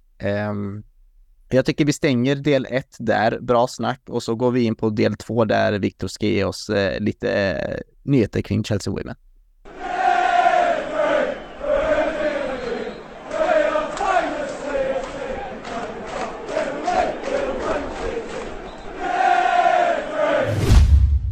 Ja, Viktor, då eh, är vi tillbaka och eh, fan, Sam Kerr, hon har gift sig va? Eh, ja, åtminstone förlovat sig. Eh, Så var det. Sam, Sam Lewis eh, skedde väl i, i somras vad jag förstår. Eh, nej, men och, och eh, Chelsea har ju också tidigare haft och vi har ju även eh, Jess Carter och eh, Ann-Katrin Berger i, i nuvarande trupp som är ett par och vi har, dessförinnan hade vi ju Magdalena Eriksson och, eh, och eh, Pernilla Harder. Eh, alltså eh, två, två par i truppen. Så att det fortsätter vara en, en tradition av att eh, ja, men, eh, Chelsea är tydligen en symbol i alla fall för allas eh, lika värde att få vara där man är och älska det man vill älska. Och, eh, och ja, det, jag tror det betyder jättemycket att de är så eh, öppna med, med vilka de faktiskt är. Eh, så det är väl bara att passa på att gratulera Kerr. Och när vi spelar in det här så eh, ska det alldeles strax vara avspark i nästa Champions League-match då eh, mot Paris FC. Så, Ja, eh, vi vill sen, först och eh, främst be om ursäkt då att vi tar det ifrån den matchen. Du får la köra någon split screen variant där, men eh, precis ja, du kan, eh, du kan redogöra. Vi möter alltså Paris och inte PSG utan Paris FC. Nej, precis. Så Sam Kerr eh, bär kaptensbindeln. Så mycket vet vi om den här matchen eh, nu när vi spelar in podden. Eh, Så Millie Bright utgår. Men eh, som sagt, det, det som har hänt sen sist, eh, det, det var ju den här premiäromgången för en, en vecka sedan. eh, Som eh, vi möter Real Madrid för andra året i rad i, eh, på damsidan och eh, Eh, hamnar tidigt i underläge eh, när Olga Carmona, eh, Sverigedödaren från i somras, eh, skjuter in eh, första målet då via Chelsea-försvarare. Men Chelsea är det klart bättre laget i, den matchen och kvitterar innan paus. Eh, och det är ju i andra halvlek egentligen som eh, det, det stora rubrikerna händer. För det är ju en, en eh, dålig tackling av Jesse Fleming då eh, som sker eh, nästan en meter skulle jag vilja säga utanför Chelseas straffområde. Eh, eh, förlåt, det är det också efter att Chelsea har, har tagit ledningen för första gången i matchen eh, via just Sam Kerr. Eh, men eh, Chelsea får trots allt eh, straff emot sig för Real Madrid-spelaren råkar flyga in i straffområdet långt efter att den här kontakten har skett. Eh, men Carmona förvaltar den eh, så att det blir 2-2 och på stopptid så har Chelsea en boll i nät som felaktigt vinkas av för offside. Eh, Niam Charles som satte 1-1 i matchen eh, eh smäller in 3-2 och påbörjar ju sin löpning ja, nästan två meter på rätt sida av offside-linjen när den här långbollen slås. Eh, och varken i Women's Super League eh, i England eller eh, på kontinenten så finns ju en helt och hållet eh, professionellt avlönad domarkår eh, på damsidan. Eh, och jag tycker är uppfriskande att, att VAR inte används eh, i det här skedet av turneringen, även om det är märkligt att den inte tillämpas hela tiden. Alltså att det, det finns ju i slutspelet i Champions League, men inte i gruppspelet. Eh, så ja, eh, fo- fotbollen blir lidande av att eh, domarkåren inte är professionellt avlönad. Eh, eh, och Chelsea blir lidande här i det här fallet. Det är ju extrema fel och med alla kameror som är tillgängliga för oss eh, tv-tittare så kan man ju tycka att det ah, fan, kan man inte göra någon VAR light eller någonting när det är så uppenbara fel liksom. eh, ehm, eh, verkligen. Men eh, det, är- det är ju sådana här fel vi var vana vid eh, innan VAR. Eh, men då accepterar man dem bara och ryckte lite på axlarna och kanske ja, klaga lite och la några svordomar. Men man, man accepterar det kanske på ett annat sätt eh, än om det hade varit VAR. Eller är jag för, är jag för snäll nu? Alltså, i- det, VAR-reglerna säger clear and obvious och så mycket clear and obvious Ja. eh, än vad det var den här dagen, det, det blir det nog inte. Eh, och även om eh, jag... det är ju Sam Kerr då som förväxlas med, med Niam Charles på något märkligt sätt i den här offside-avvinkningen. Eh, och Kerr var ju offside när bollen i fråga slogs. Men eh, jag tror att man även hade svårt om det hade varit en, ett avgörande mot, eh, det hade varit eh, Liverpool i Champions League 2009 så hade det ju varit eh, absolut övre eh, ja, skala på, på, på reaktionerna. För, för så grova var de här eh, missarna. Ja. Eh, men, men, matchen då, vad, hur tyckte du vi stod upp mot Real Madrid annars? Eh, ja, men vi, vi tog eh, fyra poäng av dem i gruppen i fjol och jag känner mig säker på att vi kommer göra likadant i år. Eh, hemmamatchen mot Real kommer eh, bli en seger. Eh, Chelsea repade sig eh, från det här inledande eh, underläget och eh, dominerade totalt. Eh, så att kan, kan Chelsea eh, leverera samma typ av prestation så mot Real och eh, nu i förlängningen då mot, mot resten av, av gruppen såklart så kommer avancemanget inte vara no något problem.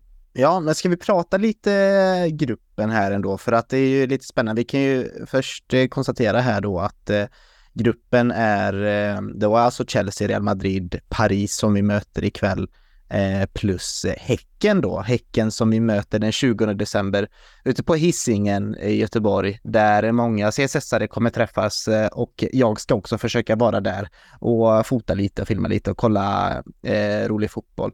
Men det här med Häcken är lite spännande för de flyger iväg nu. De har alltså slått Real Madrid här ikväll nu precis och leder gruppen med, eh, med sex, sina sex poäng då och sen är det den här matchen som är Chelsea-Paris som blir väldigt, kanske inte avgörande, men det blir ju väldigt viktigt då att eh, ta eh, tre poäng för att eh, ja, men skapa upp lite säker mark och kunna gå vidare för, eh, till avancemang då i slutspel. Men Häcken ser bra ut. Man kommer alltså tvåa i damallsvenskan i år och eh, ja, det blir väl ett rejält test där om, eh, om första platsen ändå måste man ändå konstatera. Ja, precis så otippat då kanske att eh, Häcken skulle vara så här bra eh, i startblocken. Eh, och eh, ja, Paris FC låter ju obskyrt, men de, de ligger ändå tvåa i ligan, eh, bara tre poäng eh, bakom suveränen Lyon och slog ju ut Wolfsburg och Arsenal i playoff för att ta sig till det här gruppspelet. Så att, det är ju två betydligt mer namnkunniga lag på, på mm. de sidan. så att vi ska inte ta något ifrån Häcken med deras första seger här också i, i den inledande omgången. Eh, men eh, ja, på pappret så, så eh, har ju de eh, absolut överpresterat, eh, får man säga. Just att eh, Real Madrid målades rätteligen upp då, som kanske det största hotet mot Chelseas eh, gruppseger eh, som man ändå får, får betta på att eh, så, så blir fallet. Eh, men eh, sagt, eh, Häcken har ju verkligen gjort intressant nu med att de är, har full pott efter två matcher. Mm. Spännande, det ska bli kul att se och förhoppningsvis så träffar vi många utav er CSS-are eh, den 20 december ute på Hisingen där vi ska kolla då på Häcken mot Chelsea. Eh, men ska vi blicka eh, bakåt då, eller framåt från den här matchen då till den den fina krossen då utav Liverpool, det är väl ändå eh, någonting man måste beröra när man har pratat, när man pratar Chelsea Women. Precis, så eh, precis som eh, kvällens match mot Paris FC så spelades den matchen på Stamford Bridge. Eh, och ja, ty tyvärr så tycker jag egentligen att inget av lagen i, i helgen som var riktigt levde upp till eh, det speciella tillfället som ändå är att man, man spelar på Stamford Bridge. Att det var ganska dålig insats från, från båda lagen. Det var väldigt mycket slarvigt eh, passningsspel. Eh, framförallt som, som sänkte kvaliteten på matchen rätt betänkligt. Mm. Men eh, eh, Chelsea visade ju vilken otrolig individuell kvalitet man besitter i, i den truppen. Så att eh, det, det saknas ju inte höjdpunkter eh, mot Liverpool som alltså vanns med, med 5-1. Eh, vi straffade dem riktigt ordentligt. Sophie Ingle blev eh, meste spelare någonsin i Women's Super League med 184 matcher. Ingen har gjort fler. Eh, så det var ju klart då i och med att hon eh, nämndes i startelvan. Eh, Aggie Beaver Jones, stjärnskottet från den egna akademin, gör fjärde målet för säsongen. Så hon är ju delad ledning med, med Niem Charles, eh, leder laget. Och då hennes första start då för, för sin moderklubb Chelsea. Mm -hmm. och Lauren James eh, hade ett ganska svagt inhopp mot Real Madrid då tidigare eh, förra veckan, men eh, står ju för ett eh, fantastiskt fint hattrick med tre eh, väldigt vackra mål och eh, jag tycker nästan hennes assist fram till Beaver Jones mål är eh, ännu vackrare än så. Det är långa, långa inlägget som sitter perfekt på pannan. Så att, eh, eh ja, det var en, eh, en lyckad afton och kanske viktiga formbesked för Chelseas individuella spelare, även om man inte liksom som lag lyckades matcha den helgjutna insatsen mot, mot Real Madrid tidigare i veckan. Mm. Ni som inte har sett eh, målen eller assisten då som eh, Viktor nämnde så gå gärna in på Youtube och kolla upp highlights. Eh, verkligen kan jag rekommendera. Men hur, hur eh, känns det i ligan då? Leder man bekvämt nu med, med tre poäng efter eh, eller före Arsenal då med, med 19 poäng nu i VSL. Känns det som att man gör Emma Hayes en, en tjänst här genom att eh, bara ta vinst på vinst på vinst i ligan här nu? Ja, precis. Och, hon eh, matchar i laget så som man har gjort. Eh, speciellt i och med att VM var så pass sent eller tätt inpå. Eh, men Manchester City eh, har ju eh, tappat poäng. Eh, Arsenal eh, förlorade här Eh, inte nu i senast, men veckan innan. Så att, nej, eh, frånsett den här eh, eh, märkliga matchen borta mot Manchester City där det trots allt blev oavgjort, mm. eh, så är det ju en, en, väldigt fin, fin start. Och Chelsea kanske inte eh, har presterat så bra alla gånger som man har velat, men man är ju ändå obesegrad. och det är bara ett lag som, som kan säga. Mm. Business as usual helt enkelt. Så är det, då är det bara den där jävla champion som sagt som eh, vi ska sikta på. Eh, förhoppningsvis sker det i år då under Emma Hayes sista år som eh, Chelseas tränare. Eh, tack för det Viktor. Eh, är det någonting härnäst här som man borde hålla koll på gällande damlaget tycker du? Innan vi stänger. Ja men det, det, det rullar ju på. Eh, eh nu är det som sagt Champions League som alla kommer att förhoppningsvis ha sett när det här avsnittet kanske skickas ut. men Eh, Leicester eh, var ju rejält i skiten i fjol, eh, men har ryckt upp sig ordentligt och hade en riktig så great escape i våras och har fortsatt på, på den inslagna vägen under hösten. Så att, eh, även om Chelsea då förra hösten slog Leicester med hela 8-0 så kommer det nog bli betydligt jämnare den här gången. Eh, så att det, det, kommer bli en bra match här på söndag. Ja, söndag klockan tre spelas alltså Chelsea-Leicester. men det blev på Kings Meadow Eh, ja, precis. Ja, ja.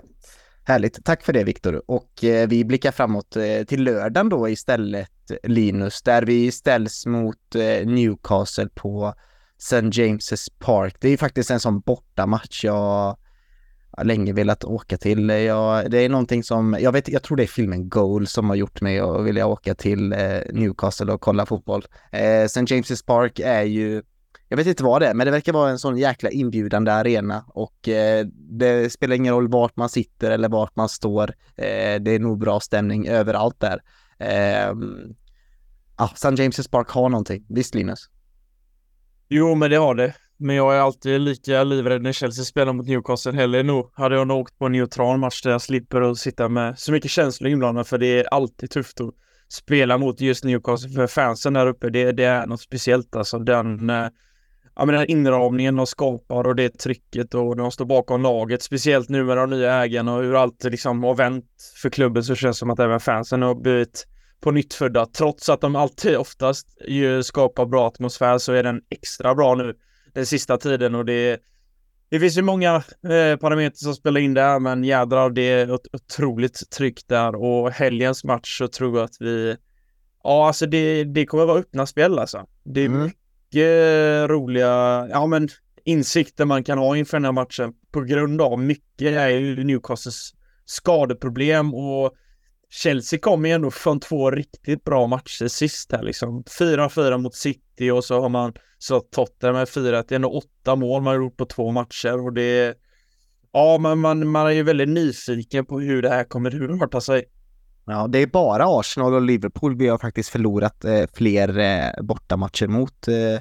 i Premier League än Newcastle då som sitter på en tredje plats där. Eh, så det är ju, har ju bevisat att Chelsea har haft det svårt eh, på St. James' Park. Men eh, ja, du inledde där med skadorna. Det är någonstans det som färgar just Newcastle mm. inför den här matchen. Vill du kanske gå in lite djupare på det och redogöra vilka nyckelspelare det är som ändå saknas för, eh, för Newcastle. Ja, men som tidigare alla vet nog så är ju Tonali avstängd eh, och det kommer han. Han kommer inte vara med i matchen. Vi har en hel del, så jag tänker att jag kör igenom dem, men även lite spelare som är osäkra till spel. Men vi kan ju börja med att Jacob Murphy kommer vara borta från spel.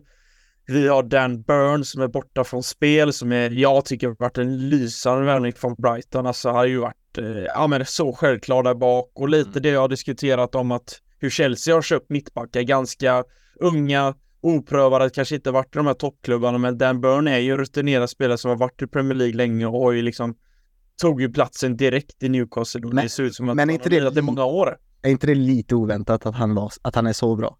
Nej, alltså han har ju varit, han har höjt sig. Alltså betydligt. Alltså jag kommer minst när han gick upp med Fulham för några år sedan. Alltså han blev så utdömd och så jädra utskrattad.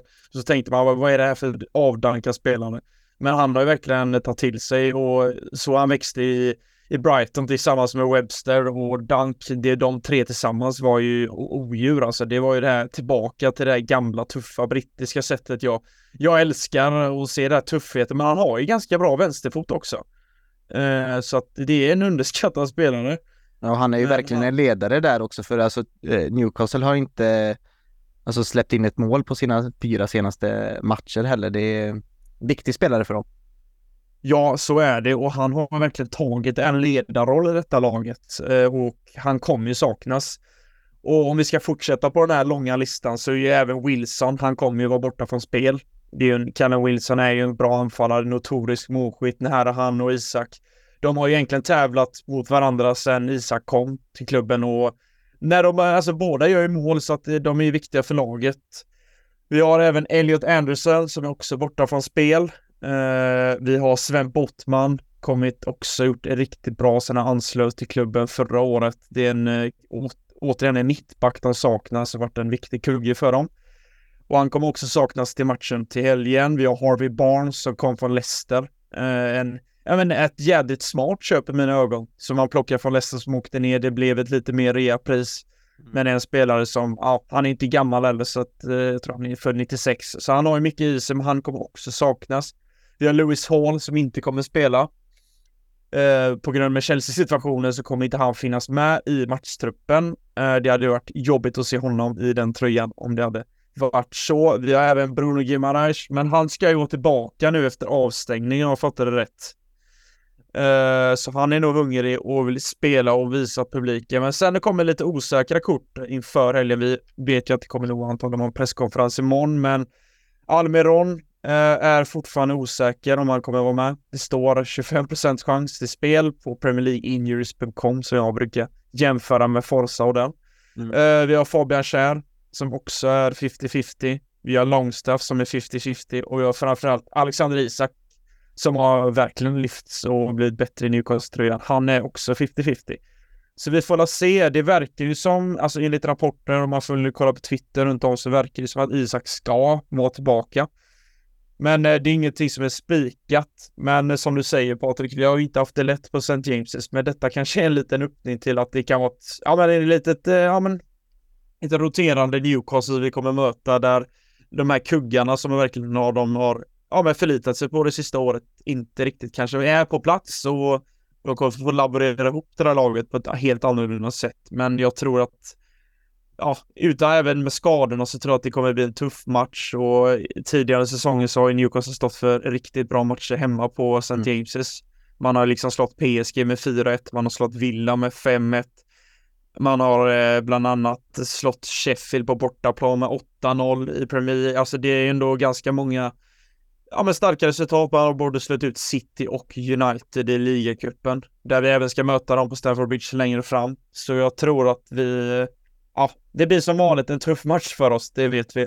Men eh, de kommer ju faktiskt lite i dålig form inför den matchen. Man förlorar mot Bournemouth på ett sätt som, ja, det var ingen bra prestation. Man förlorade med 2-0. Där, där innan var det även förlust mot Dortmund. Så man kommer med två svaga matcher i ryggen, men vi vet, allt kan hända. Men jag tror att vi, ja men känslan är, den är bättre än på länge när vi har mött Newcastle på bortaplan tycker jag. Mm. Men eh, förra säsongen så fick vi inte se några tre poäng mm. från Newcastle där de slog oss en gång och så kryssade vi en gång. Eh, men när det kommer till, alltså nu är det ju väldigt eh, tydligt att, eh, eller tydligt, det är ju, eh, Chelsea slåss ju om Europaplatser i år. Alltså Champions League är ju en extrem bonus som vi kan nå. Men eh, det är ändå den här topp 6-skiktet eh, jag tror ändå Chelsea siktar på i alla fall. Eh, och någonstans där vi kan lägga vår förväntansbild på laget denna säsongen. Men där är ju Newcastle eh, liksom en direkt konkurrent till oss där, så det är ju en väldigt viktig match i och det sättet också. Så skulle man gå och förlora mot City eller Liverpool eller sådär, det skulle man kanske bara, ah, ja, whatever. Eh, så, men Newcastle, eh, det är ju de vi slåss mot för att ta de här sista Europaplatserna. Ja men så är det ju. Och alltså också en, en annan match där de vann på hemmaplan, det var ju med Arsenal med 1-0, ett väldigt diskuterbart mål där eh, Gordon gör 1-0. Alltså de, de, tar ju de här matcherna på hemmaplan och de vinner ju de matcherna. Mm. All, mot de här stora lagen. Det säger ju någonting styrkan med publiken. För jag minns när de mötte PSG nu tidigare höst. Det var ju helt... Ja, jag har nog inte... Galet. Ja, jag minns typ inte bättre stämning på den här arenan. Alltså, de, blev med varje spark. Alltså, det var ju ett inkast. Det var ju som att de satte ett mål i 90 minuten ungefär. Och jag menar, får de med sig ett tidigt mål den här matchen? Jag vet inte om Chelsea-psyket som ändå visat de sista åren att eh, håller det kommer vi kunna hämta tillbaka en, ja, en tidigt 1-0 underläge. Kommer vi kunna mm. palla med och verkligen trycka till dem? Så jag tror att vi behöver nog eh, ja, börja matchen stabilt och inte släppa till något och därefter liksom fortsätta med det här fina anfallsspelet och ja, samarbeten där uppe och att Palme fortsätter på det spåret och att James bara blir bättre och bättre. Så jag tror att eh, Newcastle kommer nog vilja använda publiken nu när man kanske har lite sämre förutsättningar på planen, att man eldar igång och man vet ju jag vet att Gimarais, Joel Linton och Trippier, de brukar vara ganska duktiga på att veva runt där nere med händerna så de får igång publiken. Så jag tror det är ett, det är som en tolfte spelare som man brukar säga och det är verkligen så med Newcastle. Ja, de har något spännande på gång där i hela klubben faktiskt, Newcastle. Men eh, Fredrik, jag vill vända mig till dig här för du har ju alltid varit den som är lite, ja, att du går in för matcherna och är lite halvpessimistisk eller orolig och lite ont i magen så. Det är fan, klassiska supporterkänslor, jag, jag förstår dem. Men eh, du sa att det kanske kan vända om det ser lite bättre ut. Nu har det ju gjort det, både på resultattavlan och spelmässigt. Eh, hur känns det inför den här matchen denna gången nu då? Hur, vad säger magen denna gången? Är det så kanske att landslagsuppehållet har eh, stagnerat de här eh, good vibes-känslorna lite eller är du fortfarande på eh, det lite mer positiva tåget denna gången kanske? Nej, jag är precis lika pessimistisk och orolig inför den här matchen som jag varit uh, de två senaste här. Uh, och det är ju dels uh, för att vi spelar på St. James' Park. vi har ju en dålig historik där och, och eh, precis som Linus säger så är de ju som en tolfte man där nästan. Och sen också att eh, Newcastle är väldigt bra på att spela just den fotboll som eh, Chelsea har svårt att hantera. De är väldigt eh, bekväma i ett lågt stående försvar.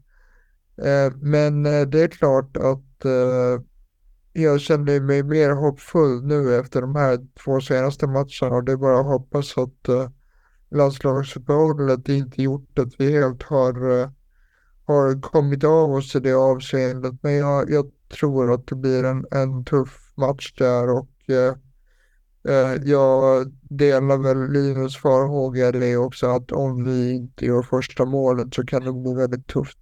Mm. Men ja, jag är min magkänsla har ju varit helt fel ute mot uh, City och Spurs så jag hoppas att den har fel igen och att vi följer upp uh, de här två fina resultaten med ett tredje fint resultat. Mm. Men jag, jag, är, jag är orolig. Ja. Mm, ja, men det, vi har ändå visat att vi kan vända matcher. Vi visade ju det mot City när vi släppte in ett eh, tidigt mål. Eh, Viktor, hur går dina känslor? Eller vad, hur skulle du vilja ta tempen? Nu tycker jag Linus gjorde ett magnifikt jobb på att eh, snacka upp eller Newcastle då, vad, hur, de, hur de känns och hur, vad de gör och sådär. Men eh, vad är din temp på, eh, på Newcastle och, och den här matchen? Ja, men eh, nu är det ju lite som oklart just med att vi kommer från ett eh, landslagsuppehåll här, men jag, jag, delar väl ändå lite grann den hållningen att eh, det kan vara ett bra tillfälle att eh, möta Newcastle. För deras trupp har ju tagit stryk av att eh, slåss på, på de här dubbla fronterna med, med Premier League och Champions League. Eh, och eh, jag märker åtminstone i, i ligan att även om de har fått resultaten med sig så har ju prestationerna dalat eh, en, en del. Så att, eh, nej, jag, jag tror det, det, det, är ganska bra tillfälle. Eh, som sagt, nu brukar Chelsea ha sina problem historiskt sett i de första matcherna efter landslagsuppehåll. Men det har gått bra hittills den här säsongen. Jag har inte märkt av någon baksmälla så sett. Men är det inte lite när, det är när Chelsea får bordet uppdukat, eh, vi inte väljer att käka? Eh, absolut, eh, och kanske framförallt med, med förra säsongen i bagaget. Eh, men eh, nej, eh, jag är ganska optimistisk även om man absolut ska hysa respekt för dagens upplaga av Newcastle och kanske även då vår historik mm. gentemot just den klubben. Mm. Ja, och jag vill bara, ja nu vill man inte jinxa något givetvis, men skulle vi vinna den här matchen så skulle det bli ett otroligt viktigt resultat, för sen har vi ett Brighton hemma och sen går vi liksom mot ett United på Trafford så jag känner att fan, det är nog, ja men det är nog, ja, man är men man har, vi är ju fan inte bra på Trafford. Men det är en arena, alltså den, jag, det är ett lag jag helst gärna vill slå. Gärna i år, men det, vi har alltid svårt på Trafford mot just United. De, på något sätt så hittar de alltid någon kraft att antingen ja, spela lika mot oss eller vinna matchen. Och jag tror att fan, om vi får med en vinst på Newcastle så kan det här bli riktigt spännande. För jag menar, det här var ju det här sken om att vi snackade om att det här var ju, det här avgör ju säsongen. Och hittills har vi ändå börjat helt okej. Okay. Det är lite eh, Brentford var ju bland annat med i den här ekvationen där och det fann vi pladask. Men det är viktigt nu till helgen att verkligen ta tre poäng. För ett poäng, ja det är godkänt, men tre är ju drömscenariot för då kan det nog bli, ja då blir det jävligt spännande. Visst är det svårt Linus att eh, sia om den här matchen lite också så här, vad, hur man tror att spelet kommer se ut och man förstår ju lite så här, Chelsea-Arsenal, det kommer vara ganska böljande fram och tillbaka. Eh, eh City-Chelsea så fattar, eller Chelsea-City, förlåt, så visste man ju att ja, men City kommer vilja dominera bollen, eh, men att Chelsea kommer kontra. Man hade typ en aning om hur matchen skulle se ut. Här har jag väldigt svårt att lägga fingret på hur, eh, hur det kommer te sig på, på plan faktiskt. Ja, och det är lite svårt att veta också utifrån vem de kommer spela på anfall. För jag menar, har de ingen Isak, har de ingen eh, Wilson kommer ju vara borta liksom. Så då kan det ju bli lite som Chelsea ibland har fått laborera med någon slags ytter längst upp som man har mm. fått eh, ja men nu satsar mer på kontringen då men Newcastle gillar ju att ha den här anfallaren som drar isär det och Wilson och Isak har ju olika kvaliteter men har man inga av de anfallen då blir den här tyngden där inne, den tappar de ju lite grann så att det är svårt att veta också hur man ska ta emot eller liksom bemöta det här anfallsspelet Newcastle vill ha. Så det, det är och även att de saknar viktiga kuggar i backlinjen tycker man ju måste kunna utnyttja på ett bra sätt. För jag menar, att när både Burn och Bottman och Fabian Schär antagligen då är borta, ja då, då är det ju ganska tunt. Då börjar vi snacka om Emil Kraft, vi snackar om eh, Paul Dammet liksom. Mm. Det var ju två mittbackar, ja men, i och för sig de två mittbackarna spelade ihop och man slog United Old Trafford. Mm. Men United är United i år, men det är ju två spelare som kanske får spela. Och då tycker man ju att vi borde kunna utnyttja det med den spetskompetensen vi har där framme tycker jag. Ser du några som eh, från Chelseas håll då som skulle kunna vara lite nyckelspelare i detta fallet? Eh, är det från kanterna du tror det ska hända eller är det eller liksom Sterling som ska ha en uppvisningsmatch här igen eller är det någon annan du vill eh, poängtera fram? Nej, jag tror det är mycket hänger på hur det ser ut för Sterling, Palmer. För jag tycker att Palmer tillsammans med Reece James, jag snackade om lite förra avsnittet, de två har hittat något samarbete ganska tidigt och jag tror att fyller vi på på kanterna och kan överbelasta dem så tror jag det här kan bli en eh, Ja men det kan bli en trevlig resa men samtidigt som Fredrik var inne på bland annat att det här kan ju gå åt andra hållet också. Släpper vi in första så tror jag tyvärr att det, nej, då blir det svårt.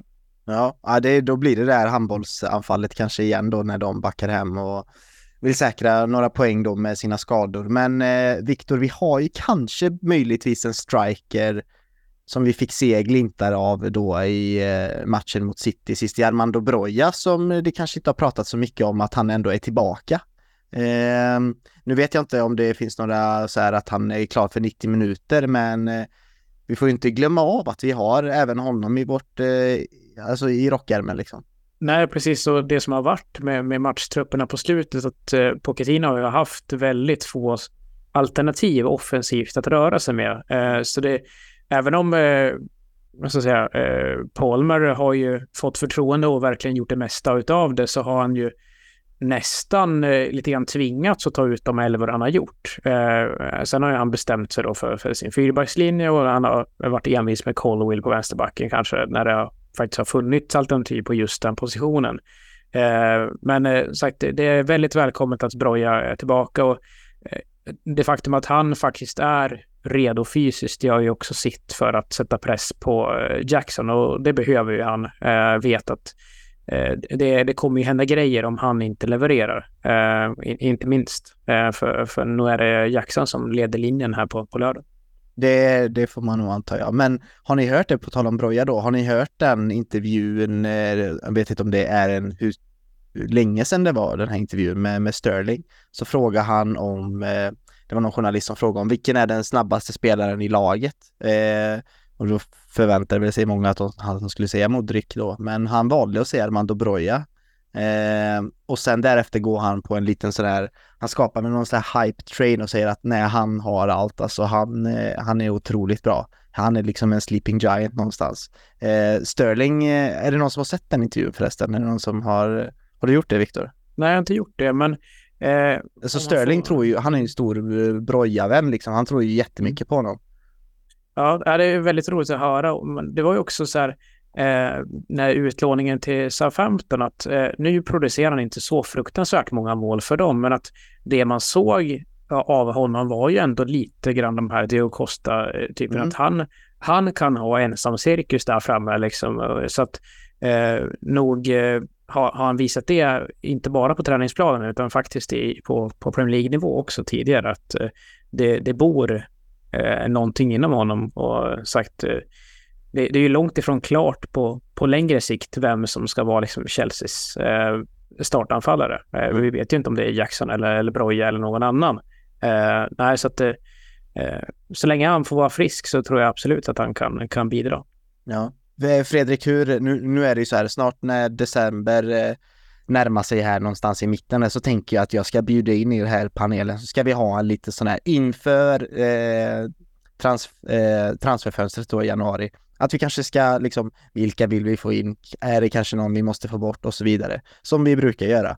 Eh, och då kommer ju säkert snacket gå runt en striker, liksom att vi kanske måste få in någon.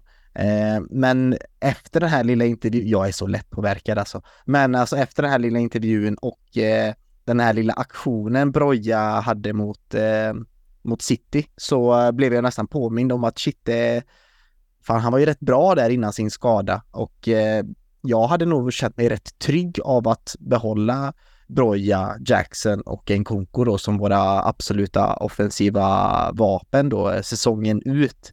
Um, nu vet jag inte varför vi pratar så mycket om Broja, men jag hoppas jag får se honom på lördag. Vad, hur går dina tankar kring Armando Broja, Fredrik?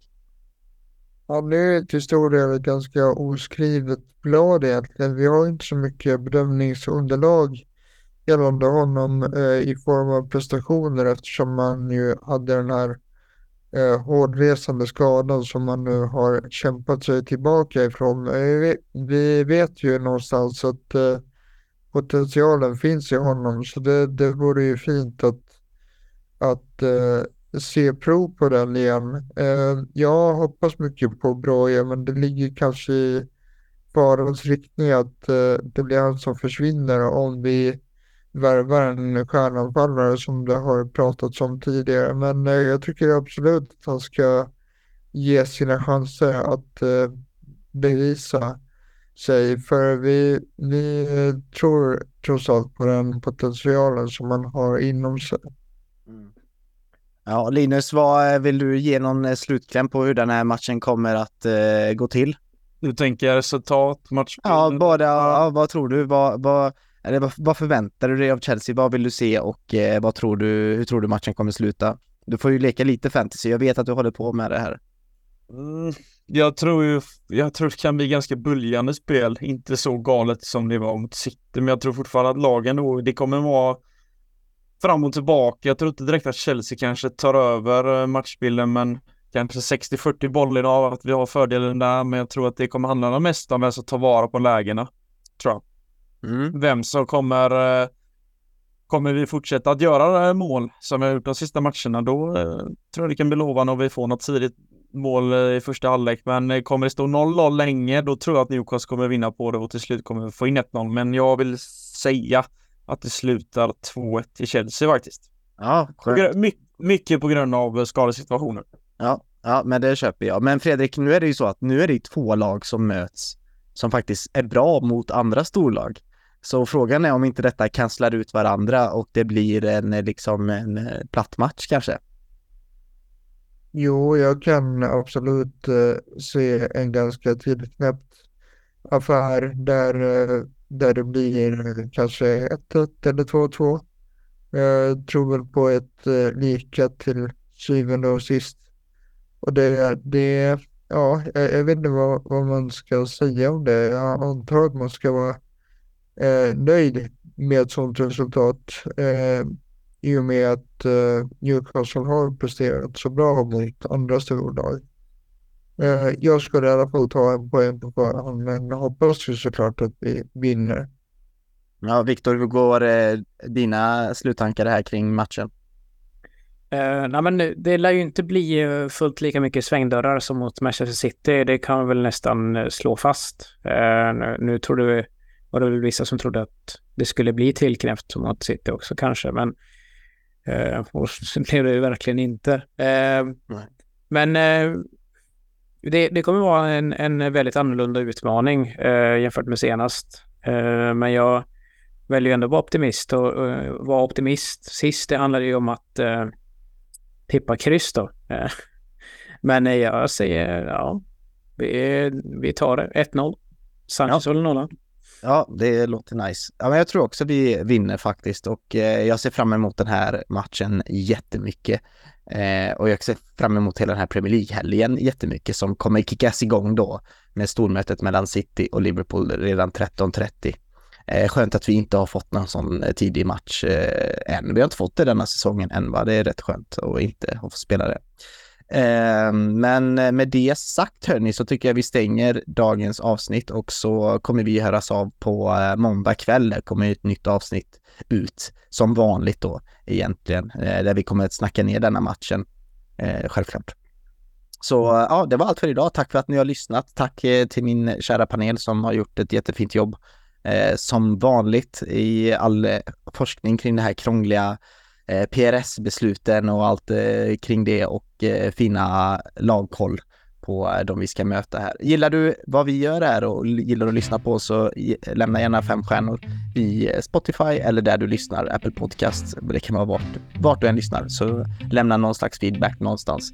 Ehm, du kommer också kunna supporta både podden och föreningen på ett annat sätt nu i framtiden. Vi kommer att släppa lite merch här, det är väl lite halvhemligt men jag gör det ändå halv eh, annonserat här att det kommer komma ut lite snygga t-shirtar och eh, annat eh, dylikt som ni kan göra för att eh, bidra till eh, föreningens eh, fortsatta tillväxt och eh, få väldigt snygga eh, merchgrejer att ha på sig. Eh, ett annat sätt att bidra självklart är ju att bli medlem i Chelsea Supporters Sweden. Eh, den enda svenska föreningen med platinamedlemskap i Chelsea Football Club. Gå även in på vår svenska fans på svenskafans.com england Chelsea där du kan ta del av matchrapporter, analyser och krönikor. Eh, stort tack återigen för att du har lyssnat. Keep the blue flag flying high.